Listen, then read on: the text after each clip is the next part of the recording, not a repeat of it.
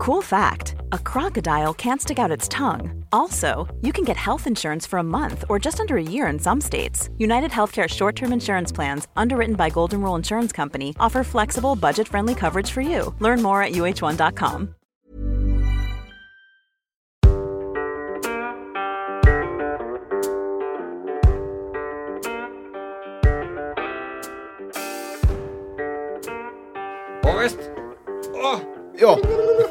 Johansson. kaffet i fel strupe. Mm, jag har en egen kaffemage nämligen. Ja, ja. Mm, det kan man tro. När man Ut, dricker utvecklas över, över tid. Podden om ont, vi är tillbaks.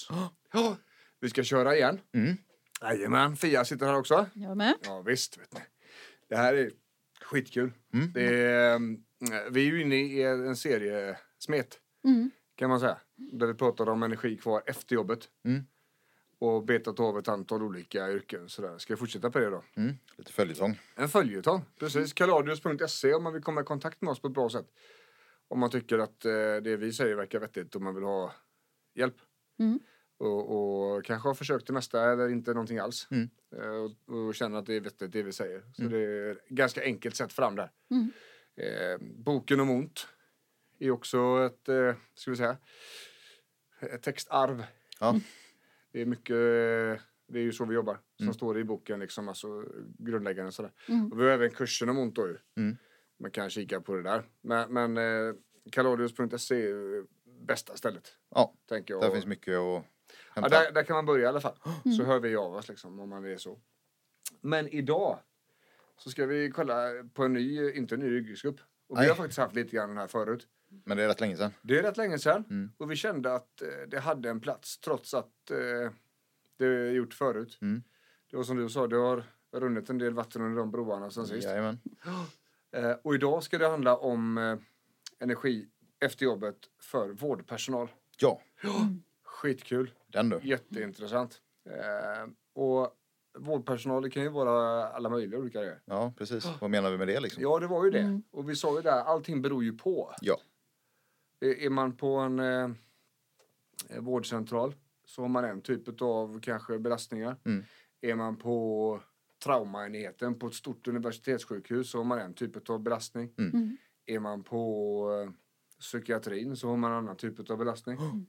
Men i grund och botten kan jag säga så här att, att vi vet väldigt väl hur resurssvag vården är idag. Vi vet om vilka organisatoriska, administrativa och ekonomiska problem den svenska sjukvården har idag. Och vi vet att det är nästan alltid faller tillbaka i knät på personalen som jobbar. Mm. Och att det är de som får göra mer än vad de egentligen kan utan resurserna som de borde ha haft. Mm. Vilket vi också skrev i dedikationen i boken då, Precis. till alla hjältar i vården.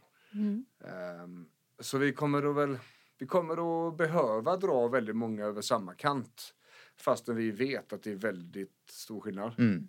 Det finns ju allt ifrån avdelningar och ska vi säga inriktningar där personal inte vet om att de får rast, om de får rast när de kommer Mm. förrän de går hem. Mm.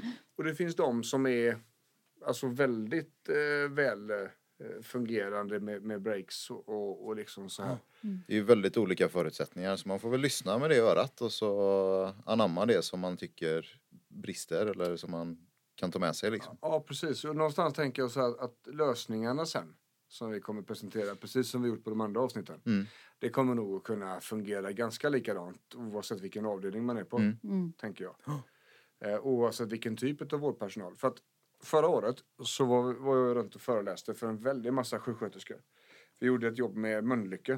Eh, de, de säljer ju eh, scrubs, eh, alltså operationsutrustning. Ja. eh, handskar och dukar och, och sådana här saker. Så vi åkte med dem på en turné. Eh, Umeå, Stockholm, Ängelholm, Göteborg. Mm. Eh, och där var det bara sköterskor. Plus att vi hade då två stycken sjukhus. Ha- Hallands sjukhus Mm. eh, var dagoperation där och Anop IVA, alltså anestesi, operation och eh, intensivvården på Mölndals sjukhus i Göteborg. Mm. Mm.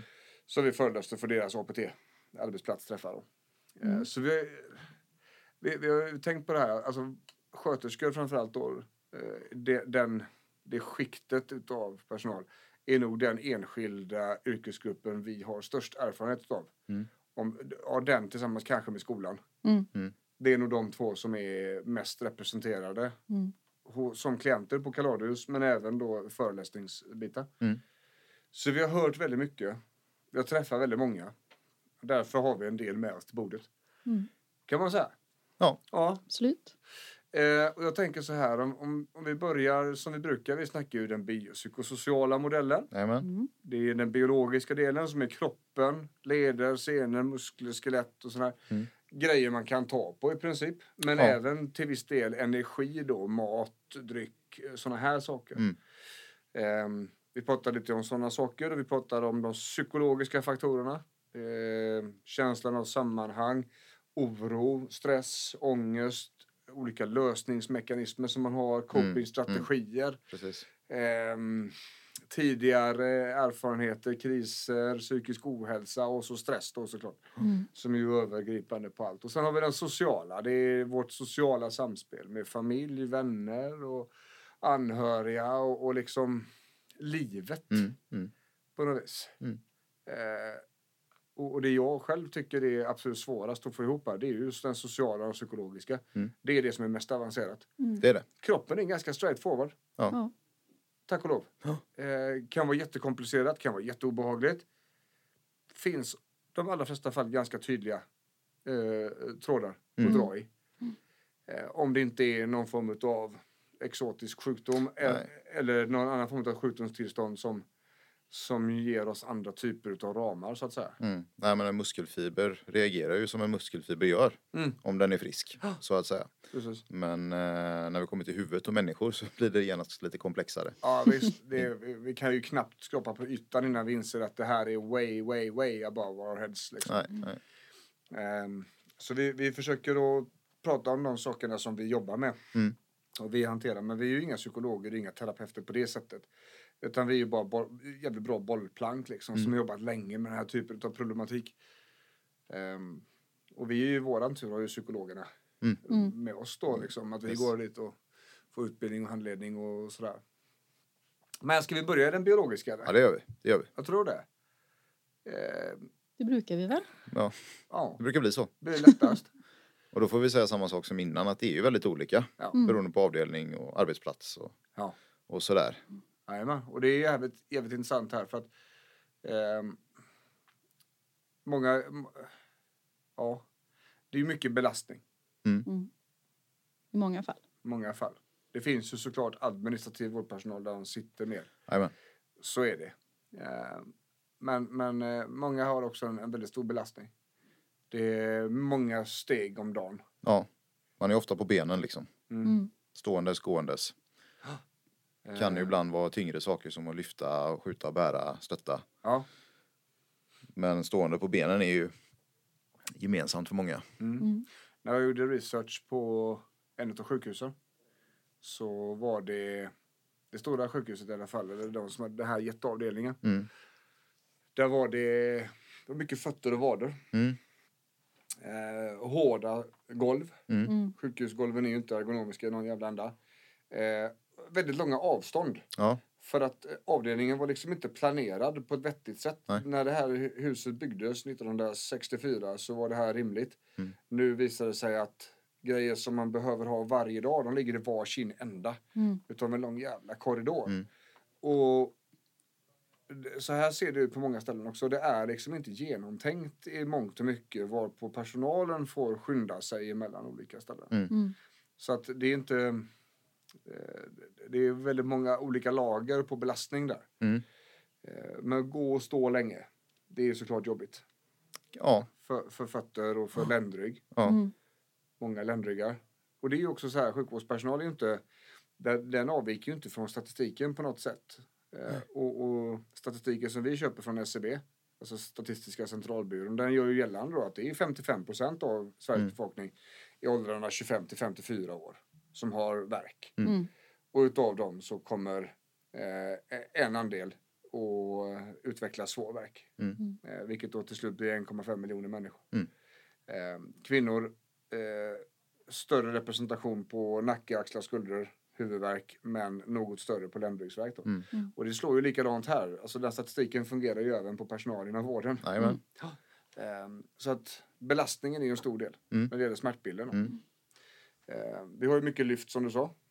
Eh, det finns ju lyftanordningar Mm. på många ställen. Mm. Men Men, eftersom tiden sällan finns till att göra det här ergonomiskt. Mm. så gör man det lite snabbt. Mm. och samma sak med förflyttningsteknik och att även om man inte går och hämtar liften så placera sig rätt vid sängen och Ja. Mm. positionera sig rätt och... Och det är i sak inget problem vid något tillfälle. Nej, det är det. Men när det sker hundra gånger på en dag, Mm. Då är det komplicerat. Jag brukar säga att de flesta människor kan ju liksom stå rätt och sitta rätt. Men eh, fem minuter senare så börjar man bli trött i eh, muskler som kanske inte har tränats på det eller så börjar man tänka på annat. Stressen eller uppgiften at hand så att säga. Ja, och då försvinner det ut genom rutan. Mm. Ja. Ehm, och, och sedan tänker jag då, alltså den, den största eh, biologiska faktorn, det, det skulle jag vilja säga, det är långtidsbelastningen. Mm. Att det ofta är väldigt långa dagar. Mm. Och det är inte ett moment utan det är moment hela tiden. Mm. Eh, många ställen har så ska man äta så får man göra det fort. Mm. Eh, jag har ju tränat eh, under väldigt många år och ganska många ifrån förlossningarna i Göteborg. Mm. Ehm, och där är ett sånt ställe. Det är inte säkert de har rast. Nej. Punkt. Nej. Det- Det är väl vanligt att man inte har det nästan. Ja. Låter det som nu. Alltså, det är helt sinneslött. Mm. Vilken jävla arbetsplats. Mm. Eh, och så beslutsfattare och chefer som låtsas som att det regnar. Mm. Eh, och alltså det är så dumt. Mm. Och, och det här är ju inget nytt alltså. Det här har jag ju hört sedan 2012. Mm. Ehm, jag, Och så är det människor som älskar sitt jobb men som inte orkar det. Precis, som inte orkar det. Det är många som bränner ut sig. Det är folk, jag tror jag har hjälpt fem eller sex barnmorskor att flytta därifrån under Mm. åren. Mm. Eh, och då ska man tänka det att barnmorskan är ju högutbildad. Verkligen. Det här är alltså en, en, tjej som har jobbat jävligt länge, som har gått tre år på universitet för att bli sköterska och sen ytterligare två år för att bli barnmorska. Mm. Eh, hon har en utbildningslängd som motsvarar en läkar allmäntjänst. Eh, och har också eh, huvudansvaret på förlossningen Mm. eh, i, i avsaknad av läkare. Mm. Eh, de vill inte jobba. För det går inte. Det blir liksom aldrig bättre. Mm. Det blir schemaförändringar, det blir försämringar och besparingar Mm. och, och liksom folk ligger i korridoren och så här. Eh, nu skulle vi inte gå in på det. Men eh, belastningen över dagen. Det, Mm. Alltså när jag har jobbat med dem under åren så är det inte att utföra förlossningar som är det jobbiga. Nej. Om det är långtidsförlossningar, de får, ligga, och- de får stå spjärna mot knä i 12 timmar. Liksom. Det är en helt annan grej. Mm. Men det är inte så ofta, utan Mm. det är långtidsbelastningen. Mm. Och jag Mm. tycker när jag träffar folk, alltså sköterskor på alla typer av avdelningar, så är det den som är problemet. Mm. Att, att det är statiska och grejer, att Mm. det ibland är tungt eh, och det, det, det är för lång tid, Mm. helt enkelt. Man orkar inte. Nej. Och, och vi kommer in lite grann på det sen. Att orka. Mm. Mm. Ehm, för vi har ju energispåret Mm. också. Ehm, jag vet att, att när jag har jobbat med de avdelningarna som har, eh, där det har varit lite svajigt med rast. Mm. Okej, ja, det är personalbrist. Och jag går och jobbar. Japp. Eh, ät innan jobbet. Mm. Ja men det blir ju så. Det, det blir ju en damage control. Ja, det är klart. Du vet inte när du äter nästa gång. Jag har ingen aning. Nej. Och sen ska det sägas att hela sjukvården, alltså, eller många utav av, eh, grenar inom sjukvården, där är det ju liksom du kan ju inte gå iväg från en operation när man satt igång bara för att du är hungrig. Nej. Det funkar ju inte så. Nej. Du kan inte bara dra. Liksom. Du kan inte gå på rast om det inte finns någon på avdelningen. Mm. Det, det, det, det följer ju med hela yrkets natur på något vis. Mm. Mm. Ehm, och då måste jag ju som individ och person se till att mina behov är täckta för att kunna ta hand om det. Mm. Är det är du med på vad jag tänker? Ja, Mm. absolut. Jag tänker också, lite som du är inne på, som att när man är, jobbar inom vården och man ger mycket av sig själv Mm. eh, så behöver man kanske Fylla på sig själv också. mer än Ja, vissa andra Ja, abso- yrkesgrupper. absolut. Absolut. Och jag tror vi kommer in lite grann på det där när vi, när vi landar på lösningarna sen. Mm. Ehm, men eh, i den biologiska delen ser vi att det är långtidsbelastningen som är det stora. Mm. Eh, gå, har man en avdelning som man går och står mycket, då är det fötter, vader, ländrygg. Har man en Ja. avdelning där man sitter mycket, då är det bröstrygg ofta. Mm. Eh, nu senast så föreläste jag för Riksföreningen för ögonsjuksköterskor på Svenska Ja. mässan, deras ögondagarna. Mm. Mycket, mycket mikroskop där. Mm. Mm. Eh, mycket ni vet, såna här glasögontestgrejer eh, grejer, fast på sjukhus. Då. Mm. Mätningar och sånt där. Och det, det, ja, det finns höj och sänkbara grejer. Men de ska in. Ja. Mm. Och sen kommer nästa och helt plötsligt så kommer Agda 97 som tog fem minuter på sig från väntrummet till undersökningen. När hon kom in dit så måste hon kissa. Ja, då är det tio minuter till och hon kan inte ta in någon annan för det här är dukat bara för Agda 97 då. Ehm, så så att det, fi- det finns ju så många olika lager, det finns ju väldigt få marginaler. Mm. Ehm, och beroende på vart man är då så att säga. ja, absolut. Men den biologiska är det, det är, vi är överens där att det är långtidsbelastningen som är det mest utmanande för oss. Ja, och den gemensamma nämnaren Ja. känns det som. För det är klart att man kan ha en ens- enskild axel här och var beroende på röntgenapparater och Ja. gå in på detaljer och sådär. Och Precis. Men, ehm, Och kollar vi på liksom läkaren och ortopederna som är liksom nästan som snickare då. Ja, Eh, där det är så tungt att det, det, det är jobbigt liksom. Ja. Mm. Eh, om vi går över på psykologiska. Mm. Nu blir det jättemycket mer eh, grejer som vi måste dyka i. Mm. Mm. Jag tänker, eh, som det spelas upp här, två olika. Mm. Eller tre nästan. Dels mina egna, Mm. mina egna psykologiska faktorer. Mm. Hur jag hanterar min stress, hur jag hanterar mitt familjeliv, hur jag hanterar tiden efter jobbet och vad jag tycker om belastningen på jobbet och hur jag känner inför detta. Mm. Det är liksom ett spår. Det andra spåret är ju patienterna. Ja. Möter människor i kris som vi sa. Mm. Eh, lidande. Vi Mm. möter människor som har ont. Mm. De vill inte vara på vår arbetsplats. Nej. De är kanske arga. Mm. De är ledsna. De är väldigt sällan glada och pepp. Om de inte precis har fått hjälp liksom. De Mm. är utsatta och det är svårt. Eh, och man kan då kanske som sjukvårdspersonal inte ge allt man skulle vilja ge utan man får Mm. liksom snoppa av lite Mm. grann för man ska vidare. Mm. Eh, Även att man ska handskas med anhöriga. ja, Alltså den Jajamän. pressen som är psykologiskt. Eh, fan vad jag tänkte, jag tänkte tre steg. Patienter, sig själv, just det, organisationen, Mm. Mm. arbetet i sig. Mm. Eh, vad man tycker och tänker och känner runt det. Att man har liksom sin egna sfär utanför jobbet, sen har man själva arbetet och sen har man patienterna i kris. Mm. Liksom. Så här är, här är ganska mycket för huvudet att balansera på hela tiden. Och eh, jag tror att med stressen som vi har i samhället idag, som ju inte är undantaget här på något vis, Nej. så, så går det ganska snabbt innan det blir tungt och svårt. Mm. Mm. Och vi vet ju också om det, att det är den psykiska ohälsan som ökar mest i samhället och, och, och, och när det gäller sjukskrivningstal. Och tyvärr är det så här att vi vet även att det är sjukvårdspersonal är överrepresenterade Mm. inom de här. Mm. Ehm, Så att sjukvården gör till och med personalen sjuka idag. Mm. Ehm, Och det är det vi hoppas kunna bidra lite grann med nu, att man kan göra det man kan själv. Mm. Precis.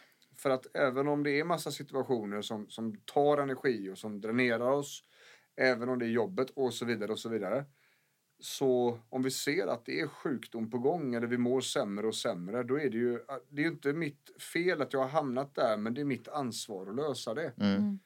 Jättehårt, men det är så. Det är liksom ingen som kommer göra det här för oss, utan vi måste dit själva. Mm. Det är ingen som kan träna dina övningar för dig, utan det måste Mm. du göra själv. Om Mm. vi hade jämfört det med vanlig styrketräningsrehab då.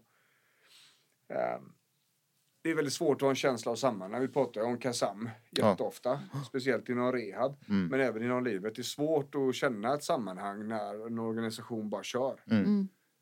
Eh, så. Eh, det är väldigt små egna, e- egna möjligheter till vila liksom. Eh, resurserna är ju alltid begränsade. Mm. Det skapar problem också. Eh, medans är det underbemannat och, och det är svårt med röster och sånt så hur fan ska vi kunna återhämta oss liksom? Mm. Då blir det att vi kör från morgon till kväll eller från det vi kommer till det vi slutar.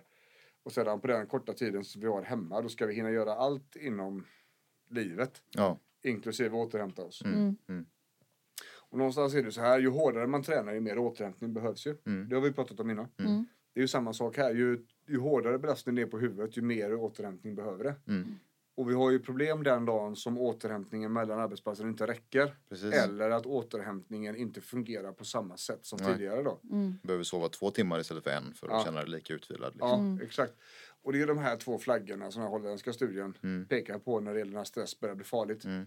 Eh, Det är när återhämtningen är påverkad, det går inte lika snabbt att återhämta sig och vanliga vardagssituationer som en gång funkade numera inte gör det. Nej. Mm. Eh, Och vi träffar ju väldigt många som ligger på gränsen där ju, Jajamän. Mm. hela tiden.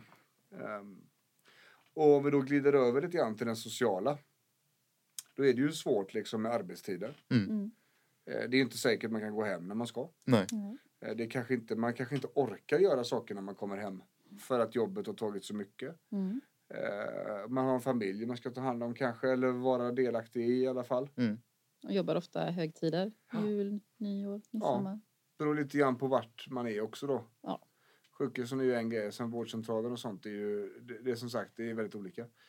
Men all in all så är det en ganska komplex, ett komplext yrke Mm. Verkligen. att vara inom, inom i Sverige idag. Och då har vi inte ens börjat prata om vad de gör för något. Eller hur? Själva kärnverksamheten. Nej. Nej. Nej. Precis, hålla koll, liksom räkna mediciner och sånt där.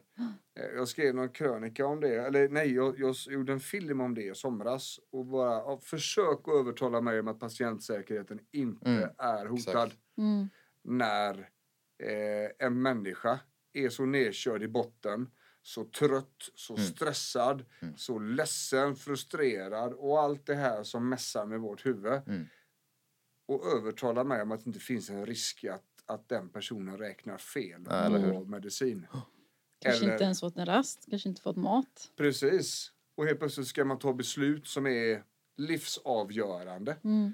Och För- hållas ansvarig om man, om man dabbar sig. Precis, för alltså, det är så vansinne att säga att patientorganisationen eller patientsäkerheten eh, inte är hotad. Alltså, Mm. Det är hål i huvudet och det här är ju ett sånt svep piss-svepskäl från politiker och beslutsfattare för att de ska slippa ta ansvar. Mm. Så är det ju.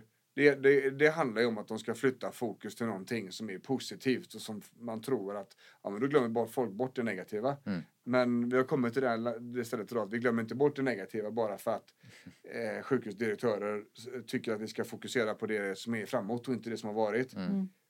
Och jag är så jävla less på det där. Jag är så less på att, på att eh, vi inte ska få prata om det som har varit dåligt. För jag känner inte att folk lär sig. Rätt personer lär sig inte vad som gick fel. Mm. Och därmed görs problemen om igen. Mm. Det är bara upprepningar hela tiden. Mm. Eh, och som jag sa då i den, i den filmen. Det handlar inte nödvändigtvis om mer pengar. Millions of people have lost weight with personalized plans from Noom, like Evan, who can't stand salads and still lost 50 pounds. Salads, generally, for most people, are the easy button, right? For me, that wasn't an option.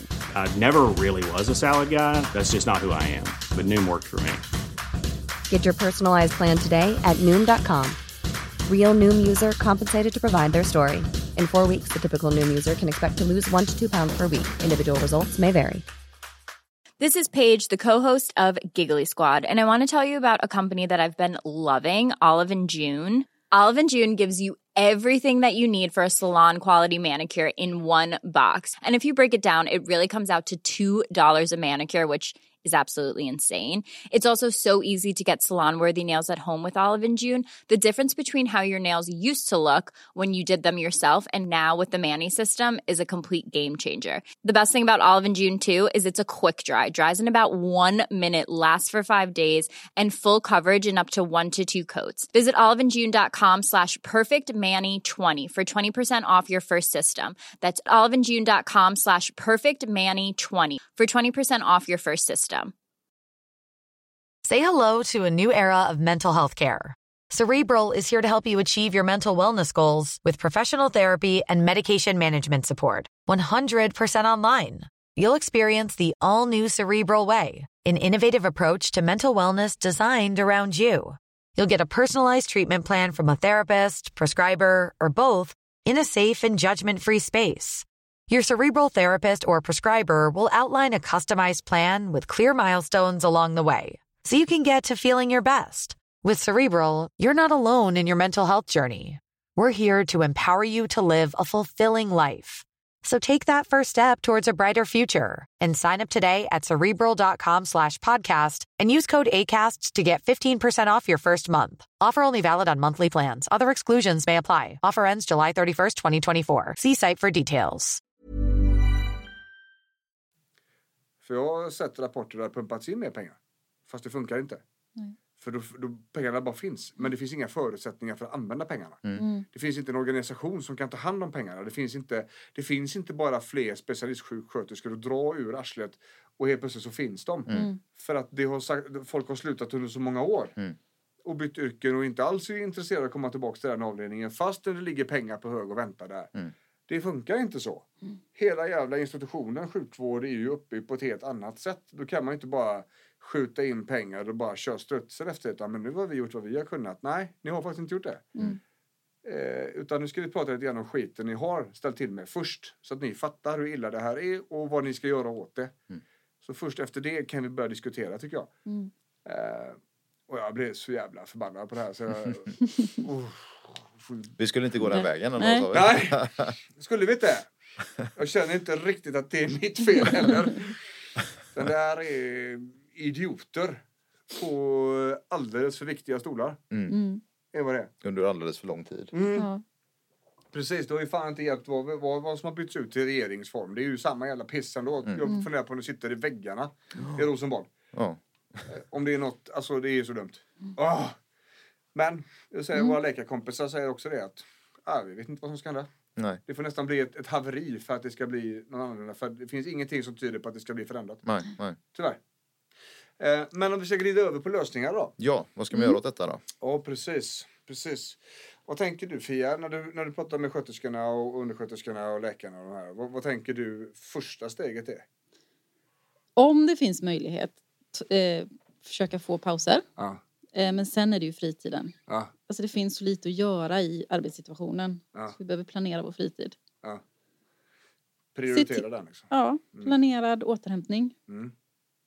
Så att inte bara det allting händer. Mm. Att livet inte bara händer. Nej, precis. Mm. Men om vi, vi med att spela djävulens advokat. Mm. Eh, om det inte räcker. Och planera återhämtning. Ja, det går inte. Det, livet äter upp. Det, det är så mycket grejer utanför jobbet. Att det är bara jobb och eh, jobb två. Mm. Hemmet AB. Mm. Eller familjen AB. Ja, den. Vart, vilken väg går du då?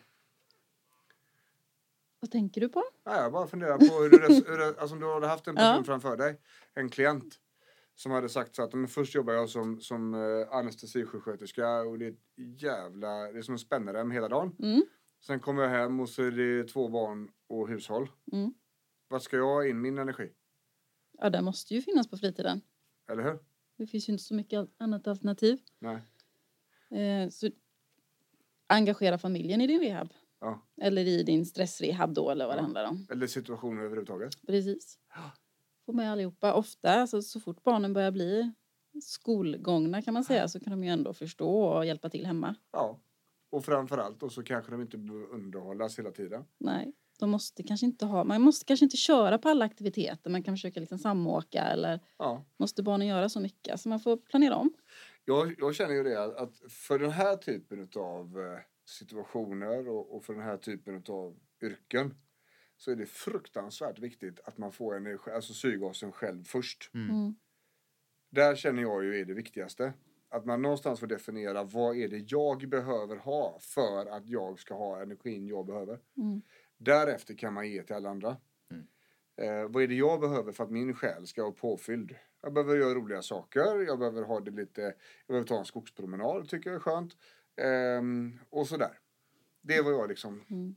det är minsta möjliga. Mm, mm. Och jag tror att i många av de här fallen så handlar det om att definiera sitt egna minsta möjliga. Mm. Tror du inte det? Jo, och jag tror också att många, så här, speciellt kvinnor, kan känna sig, ja, men jag får ta det sen. Ja. Och man känner sig lite egoistisk när man ska göra egna saker liksom. Ja. Men det biter ju en i svansen lite grann för att det, säger man så? ja. Det är precis som man säger. Du, du sa det precis. Du sa det precis. det- precis.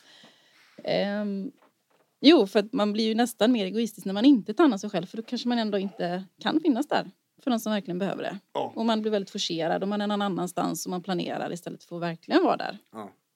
Jag brukar, eh, jag brukar säga det jävligt hårt så till mina. Du, alltså om, om, om du inte kommer ur sängen så är du ju fan till nytta till någon. Nej. Mm. Det brukar bita. Ställer sig på sin spets lite. Ja Mm. men verkligen. Och jag tror det är alltså det är, Jag tänker ju ofta så när jag träffar människor. Att, att eh, om, det är någon, om det är en situation som inte är som de vill ha och de har försökt att göra det här innan, de har tagit hjälp och så vidare. Det har ju helt uppenbart inte funkat. Det är ju därför det kommer till mig. Mm. Ja, men då kommer jag ju också tala om för dig vad jag tror det är som inte har funkat. Mm. Mm. Och även om du har gått på KBT och mindfulness och fan och hans moster och så ser jag ju att om du ger bort energin till alla andra och gör ingenting roligt själv. Du finns inte i ekvationen. Utan det är bara din energi, din drivmotor som finns i ekvationen. Mm. Men det räcker inte. Och, och det är just det man hamnar på när det handlar om jobb som där det konsumerar väldigt mycket och det spelar ingen roll vilket det är. Det behöver inte vara i vården. Det kan lika gärna vara på en mataffär eller Mm. skolan eller you name it. Mm. Om arbetsdagen tar mer än du har möjlighet att ge så har vi ett problem. Mm. Då har vi ett stort problem. Mm. Först och främst så måste jag ju se till att jag själv har energin så mycket det går. Jag måste göra min del. Mm. Om det fortfarande inte funkar, då är det nästa diskussion som vi ska ta. Och det är, är det rätt arbetsplats för dig? Mm. Mm. Och här är vi ju blixtsnabba. Vi, vi- det ser ju vi på ett par veckor här bara. Nej men nu har du snackat om den här arbetsplatsen så och det är bara trams där. Det är ju kass. Mm. Är du helt hundra på att det här är rätt för dig? Mm. Och Ja, det måste man faktiskt ta. Ja, man ser nästan den här kättingen med kulan som Ja. släpar längs med foten på en del liksom. Så är det. Och Det vi, är jobbet då. Ja, och vi är ju helt medvetna om att inte bara byta jobb. Nej. Eh, och, och liksom att det finns en väldig trygghet i månadsinkomst och så vidare och så vidare. Men vi menar inte bara att man ska säga upp sig och gå därifrån och ge fingret till chefen. Utan jag tänker att bara att söka nya jobb Mm. faktiskt kommer att minska stressen. Mm. Och se att det finns fan med andra arbetsplatser. Jag är inte fast liksom. Nej. Och i de här fallen, där, om, om vi hamnar i ett läge där det, är, där det är jobbet som är den stora biffen. Om man har tagit hand om allting som går att ta hand om. Mat, sömn, roliga saker och, och liksom hushålla med sin energi och träning och sånt här. Och vi ändå ser att fan det är jobb kvar. Alltså det, det spelar ingen roll vad vi gör. Det är en jättedrake som tar energin. Då, då kommer vi ju att liksom briefa om detta. Mm. Och det är inte ovanligt Nej, verkligen inte. på inget sätt. Liksom. Och, jag- och bara genom att lyfta blicken och se att här finns någonting annat gör faktiskt att, att stressen sjunker. Mm. Att oron sjunker. Ibland kan det vara att byta inom samma organisation som kan hjälpa. Det kan räcka. Det, kan ju bara, alltså det finns ju ingen som så att kräver att du ska vara på speciellt, alltså det är inte straffarbete vi pratar om. Nej. Och många utav de här, framförallt tjejer då som är drivna kanske med en skuldmotor. Där det, det är skuldkänslor och sånt som är, man är överlojal mot arbetsgivaren. Mm. Eh, där liksom kör man på tills det inte går längre. Mm. För att det finns arbetskompisar som man tycker man borde backa upp och så vidare. Och så vidare. Men, men det funkar liksom inte. Det är ingen som kommer att tacka människor för att de sliter ut sig och för att de bränner ut själen. Nej.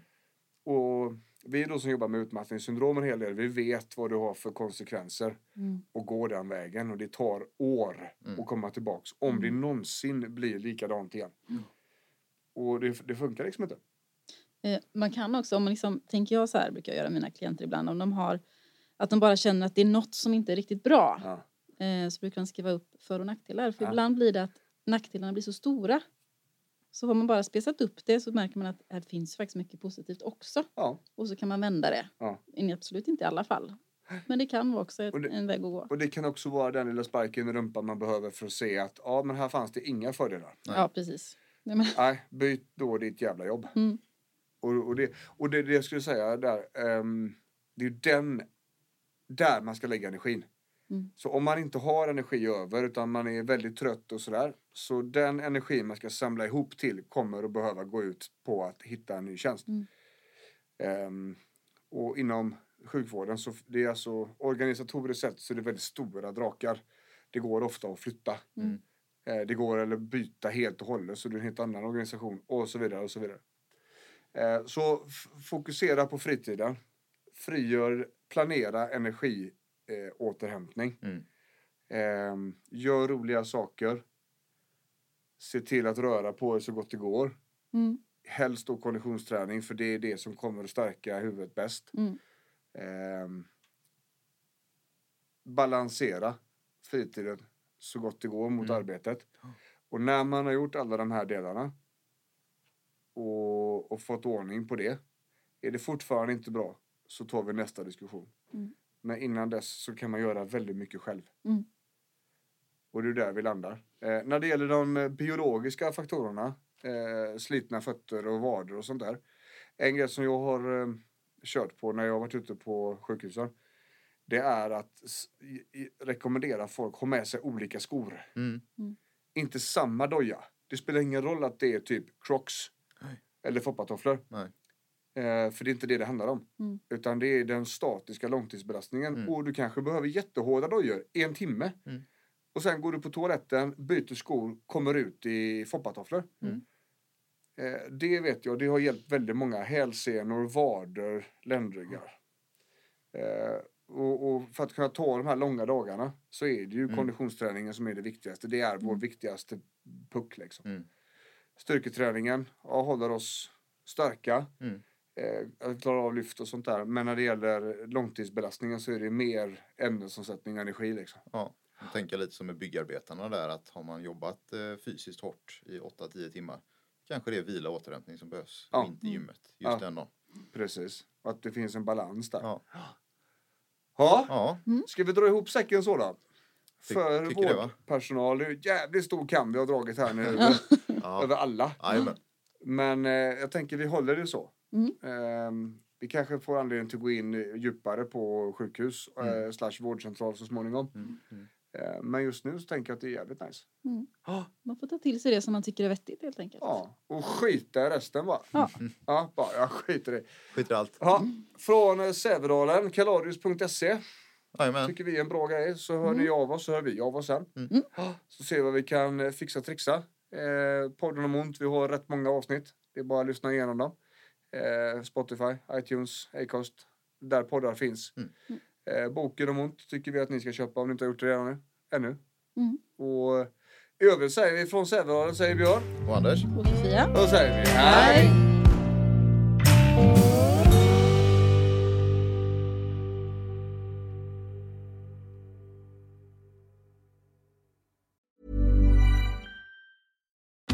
Join us today during the Jeep Celebration event. Right now, get 20% below MSRP for an average of 15178 under MSRP on the purchase of a 2023 Jeep Grand Cherokee Overland 4xE or Summit 4xE. Not compatible with lease offers or with any other consumer incentive offers. 15,178 average based on 20% below average MSRP from all 2023 Grand Cherokee Overland 4xE and Summit 4xE models in dealer stock. Residency restrictions apply. Take retail delivery from dealer stock by 4 1. Jeep is a registered trademark.